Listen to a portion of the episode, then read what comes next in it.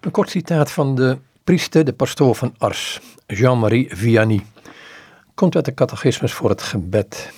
Kinderen, ons hart is klein, maar het gebed maakt het groot en stelt het in staat God te beminnen. Het gebed is een voorproef van de hemel. Het is alsof iets uit het paradijs tot ons neerdaalt. Altijd heeft het een zoete nasmaak. Het is als honing die in de ziel vloeit en alles zoet maakt. Zoals de sneeuw smelt voor de zon, zo verdwijnt alle leed als men goed bidt. Het gebed doet de tijd snel en zo aangenaam voorbij gaan dat men niet beseft dat het lang geduurd heeft. Er zijn mensen die volledig in het gebed opgaan, zoals een vis in het water, omdat zij zich helemaal aan onze Heer overgeven. In hun hart is geen verdeeldheid. Ik hou van zulke edelmoedige mensen.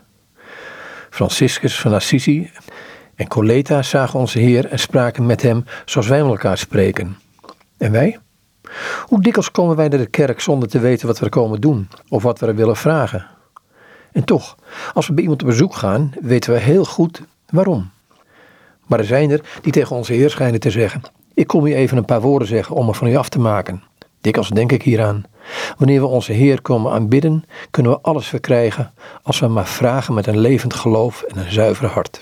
Als dus Jean-Marie Vianney, oftewel de heilige pastoor van Ars.